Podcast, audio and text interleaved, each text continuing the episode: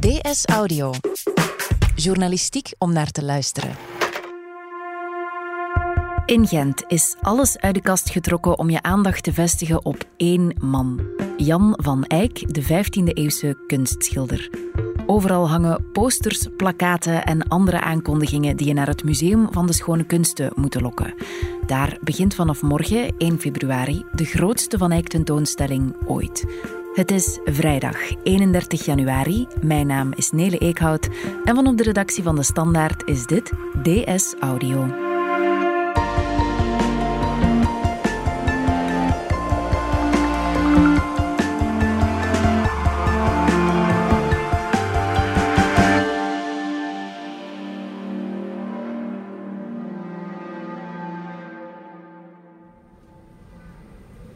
We zijn in een uh, gotische kerk. En um, de vloer is bedekt met tegels die heel uitgewerkt zijn. Zoals alles bij Van Eyck is, alles zeer gedetailleerd. De precisie van de stoffen, van de materialen is eigenlijk uh, heel realistisch weergegeven. We zien links de engel Gabriel, die traditioneel de boodschapper is, de boodschapper van dienst. Hij is gekleed in een koorkap die heel rijkelijk versierd is. We zien er ook juwelen aan. Rechts van hem staat uh, de maagd Maria, die uh, een boek aan het lezen is. Hij kijkt verschrikt op en steekt de handen in de lucht. Een beetje verbaasd van wat daar te wachten staat. Zij is in een uh, prachtig blauw gewaad, in ultramarijn gekleed. We zien de engel Gabriel die dicht bij ehm, Maria staat om aan te kondigen dat zij de moeder gods zal worden. En dan gaat onze blik naar boven en zien we boven haar hoofd een, een duif die als een pijl uit een boog vanuit de nok van de kerk komt. Dwars door een uh, brandglas dat miraculeus genoeg uh, onbeschadigd is.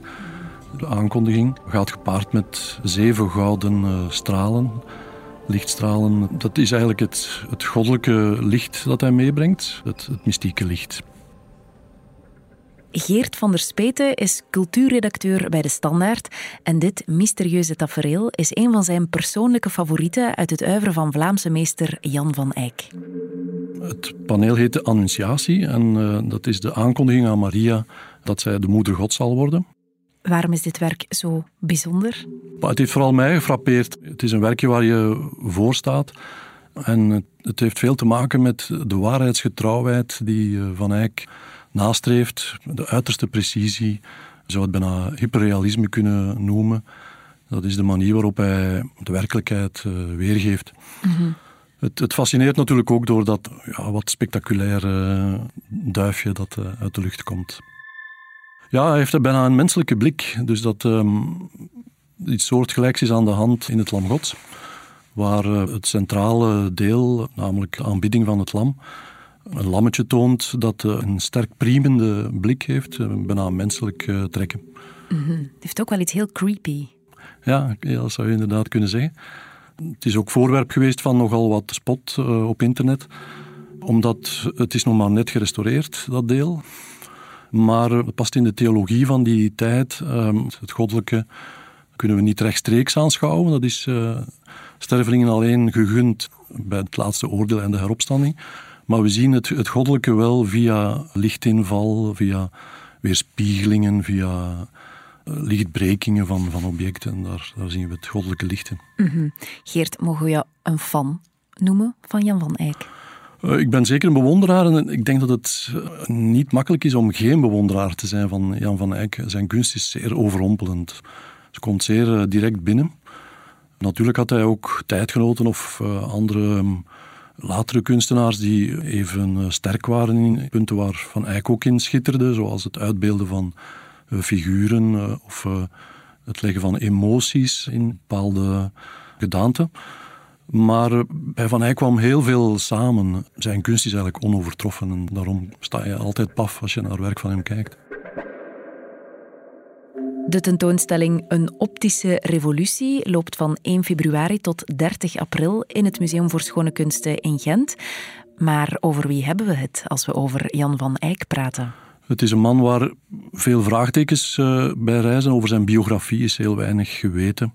We weten wel dat hij in 1425 in dienst trad van Philips de Goede, dus mm -hmm. het uh, Bourgondisch Hof in de Nederlanden. Daar was hij goed mee vertrouwd.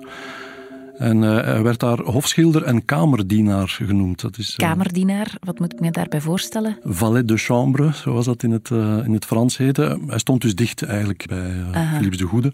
Hij was een vertrouweling, want hij heeft een, een paar geheime missies in zijn opdracht mogen uitvoeren. Onder meer naar Portugal, waar hij de derde echtgenote van Philips de Goede, Isabella hmm. van Portugal, uitgekozen heeft. Oh. Ja, je zou hem de stamvader van de Vlaamse schilderkunst kunnen noemen.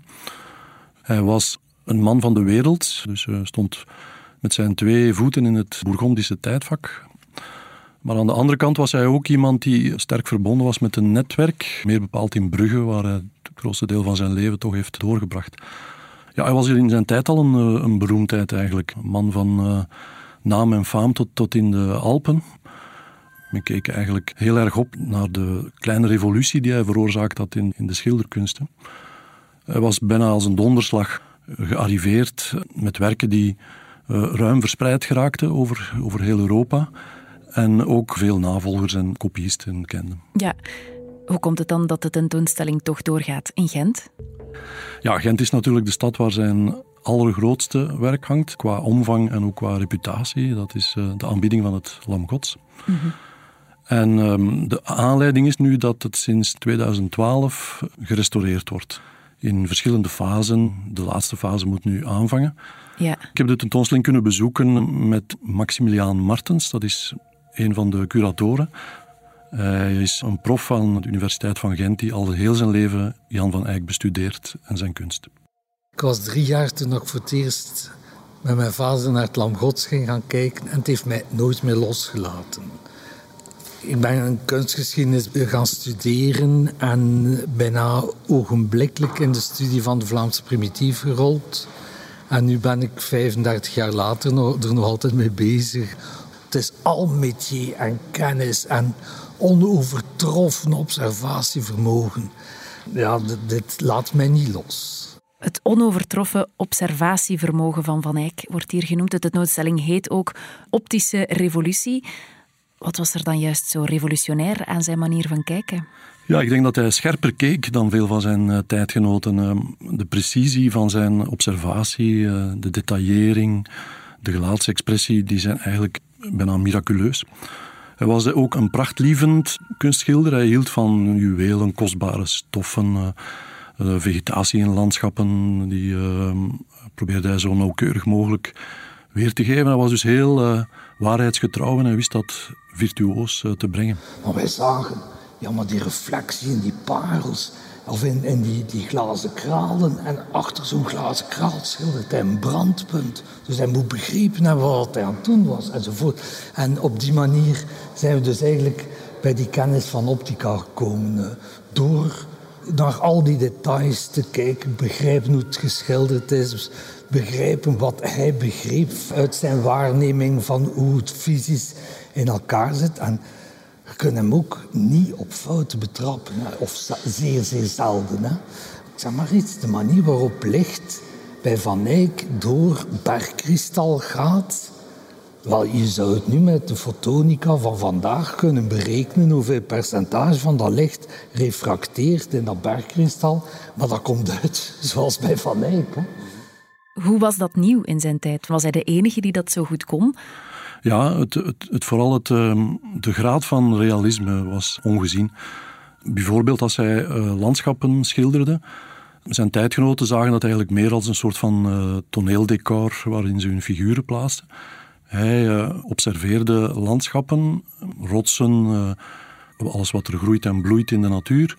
Maar bijvoorbeeld ook de wolken. Hij was een van de weinigen, weten we, die erin slaagde om niet alleen een soort van watjeswolk die wij kennen uh, te schilderen, maar ook nog vijf andere types die wetenschappers nu kunnen uh, determineren als uh, wolkensoorten.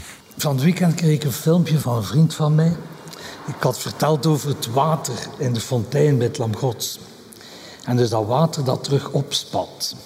En die vriend van mij is een beetje speciaal, een fysicus ook. En die had zich in zijn bad gezet en had filmpjes gemaakt van druppelend water en opspannend water. Dus exact. Hè? Dus die een druppel komt neer komt terug naar boven, trekt zich los, vormt een bolletje en valt dan terug. En dat schildert hij. Hè. Dat is dus ongelooflijk. Nu kunnen wij dat in vertraging afspelen. Hij heeft dat waargenomen. Hè. De tentoonstelling wordt beschouwd als de grootste Van Eyck tentoonstelling ooit. Wil dat zeggen dat al zijn werken hier aanwezig zijn? Nee, al zijn werken zijn niet aanwezig en sommigen zullen dat jammer vinden, maar het is ook niet mogelijk om een complete tentoonstelling rond Van Eyck eh, te maken. Sommige van zijn eh, bekendste werken zijn veel eh, te kwetsbaar, worden ook niet meer uitgeleend, blijven gewoon ter plaatse hangen in ehm, bijvoorbeeld de National Gallery in Londen, die het beroemde dubbelportret van de Arnolfinis hebben. Mhm. Ook het werk uit het Louvre van ehm, de kanselier Rollin en ehm, de Madonna is er niet, ook wegens uh, te kwetsbaar. Een aantal bekende portretten, waarvan eentje waarvan men denkt dat het een zelfportret is uit Londen, is er niet. Maar het voordeel is wel dat er veel werken wel zijn. Volgens de organisatoren hebben we ook het grootste aantal werken van Van Eyck die we op dit moment nog kunnen bij elkaar brengen. Het is nooit onze bedoeling geweest om zoveel mogelijk Van Eyck bijeen te krijgen. Het is onze bedoeling geweest om op basis van het concept van die nieuwe visie op de werkelijkheid van Van Eyck, die we kunnen waarnemen na de restauratie van het Lam Gods en voornamelijk de buitenluiken, om dat te confronteren met werk, andere werken van Van Eyck, waarin we, we diezelfde visie zien op de werkelijkheid.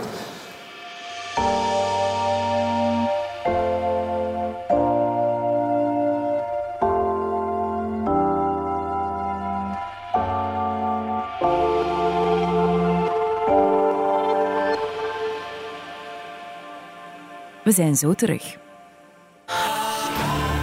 Profiteer bij Renault van saloncondities op al onze modellen. Ah ja? Geniet bijvoorbeeld van 8.300 euro aan voordelen op Renault Kadjar. Tot 31 januari in het hele Renault-net. Zondag inbegrepen. Yes! Aanbod onder voorwaarden.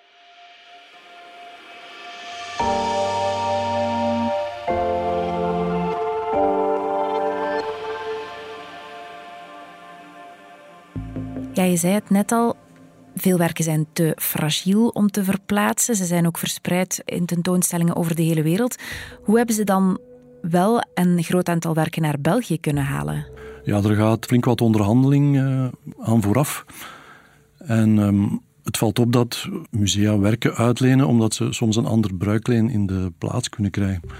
Maar de grote troef van deze tentoonstelling was wel dat zij een aantal panelen van het Lam Gods konden tonen die zijn uit de Sint-Baafskathedraal overgekomen. En ehm, de andere werken, de topwerken van Van Eyck, confronteren met pas gerestaureerde panelen van het Lam Gods, ja, dat heeft nog nooit iemand voordien kunnen doen. Mhm. De curatoren eh, Maximiliaan Martens en eh, Frederica van Dam zijn persoonlijk op stap gegaan, uh, hebben de onderhandelingen zelf gevoerd. Dus voor elk werk, en dat is de grootste verdienste vooral van Frederica, hebben we een zeer stevige argumentatie gemaakt op basis van ons concept. En daarmee zijn we gaan onderhandelen. En de, het feit dat we die werken voor de eerste keer konden confronteren met het paneel van het Lam Gods, was al in 1902 de grote tentoonstelling van de Vlaamse primitieven niet is gebeurd, heeft veel bruiklinggevers over de streep getrokken. Eh. In totaal heeft de voorbereiding drie jaar geduurd. Eigenlijk is dat niet zo lang, want grote toptentoonstellingen, eh, zoals we die gehad hebben rond Breugel in Wenen of recent nog Da Vinci in Parijs, daar uh, heeft u soms wel tot tien jaar aan voorbereid Mhm. om de tentoonstelling te kunnen rondkrijgen. Oké, er is tijd, maar dan relatief weinig tijd ingekropen. Ehm, er zal ook wel veel geld ingekropen zijn, kan ik mij voorstellen. Hoeveel is er uitgegeven om deze tentoonstellingen te realiseren? Er kwam een ongezien eh, budget aan te pas van 9,1 miljoen euro. Het gros daarvan gaat naar bruiklenen, namelijk transport, verzekering. Werken van, van Eyck zijn op dit moment eh, onbetaalbaar en eh, er kan ook onmogelijk een bedrag op geplakt worden. Maar het museum in Gent heeft ook een aantal aanpassingen moeten doen aan de infrastructuur. Om veiligheidsredenen hebben zij eigenlijk nieuwe deuren moeten installeren. Er heel veel geïnvesteerd is in beveiliging, in uh, klimatisatie en uh, dus hedendaagse museologische aspecten. Hebben we nog een, een, een tandje bijgestoken in die tentoonstellingruimtes, die nu absoluut top of the art zijn uh, geconditioneerd. Dus uh, in principe kunnen we daar geen enkele schommeling meer hebben van relatief vochtigheid en temperatuur. Het is nu voor goed dat die zalen op die manier geconditioneerd zijn. De scenografie van de tentoonstelling is ook kostelijk, omdat alle werken in vitrines hangen. Speciaal op maat gemaakt van die werken. En um, daardoor krijg je ook een heel mooi effect. In het duister stap je door de museumzalen en het lijkt alsof telkens uit een vitrine een werk oplicht alsof het een juweeltje is. Je komt in uh, een van de laatste zalen en die is gewijd aan architectuur en sculptuur. En je denkt van, dit is echt een mooie uitsmijter voor de tentoonstelling. Maar dan beland je echt nog in een andere zaal, die je zou de finale kunnen noemen. Ehm, het is een weergaloze portret Ehm, waarbij zelfs een aantal werken uh, gerestaureerd zijn, speciaal voor deze tentoonstelling. Van Eyck was, je zou het kunnen zeggen, de uitvinder van het moderne portret. Zijn voorgangers schilderden eigenlijk de portretten in profiel en hij geeft ze een kwartslag, waardoor ze eigenlijk heel nabij zijn. Uh, van Eyck schilderde niet zozeer de prinsen en de hovelingen, maar hij schilderde ook gewone burgers. Zoals uh, Joos Veit, de opdrachtgever van het Lam Gods, uh, die hier natuurlijk in een monumentaal formaat uh, voor jou staat. Als je naar hem kijkt, zie je zelfs de vratten op zijn gezicht. Je kan nauwkeurig zien dat hij zijn geldbeugel bij de hand heeft. Dat kan je zien achter de vitrine. Maar het is vooral een parade van mensen die je aankijken. Het lijken echte mensen te zijn. Mijn favoriete zaal vind ik de portretten. Om meerdere redenen. Ten eerste omdat het de menselijkheid van Van Eyck het dichtst bij ons brengt. Hij, hij, schildert zijn echtgenoot, zijn collega's, uh, uh, ja, ons. Uh, en ze komen naar ons toe, ze komen in onze ruimte.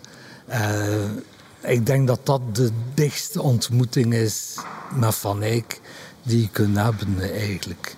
En ook, bon, dat is uh, ja, het feit dat we zoveel van die portretten hebben kunnen samenbrengen. Uh, uh, dat, dat is nooit gezien natuurlijk. Maar ik denk dat in de zaal de, de, intimiteit de intieme band met Van Eyck als toeschouwer heel groot is. Het verbluffende is vooral dat je er nu met je neus op staat. Um, als je naar de Sint-Baafskathedraal gaat om het eh, Lam Gods te bekijken, sta je te kijken naar een kooi waarin het werk uh, achter glas zit.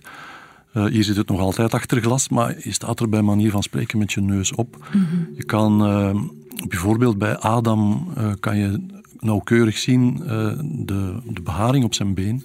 Um, je ziet ook precies hoe, hoe het haar geschilderd is.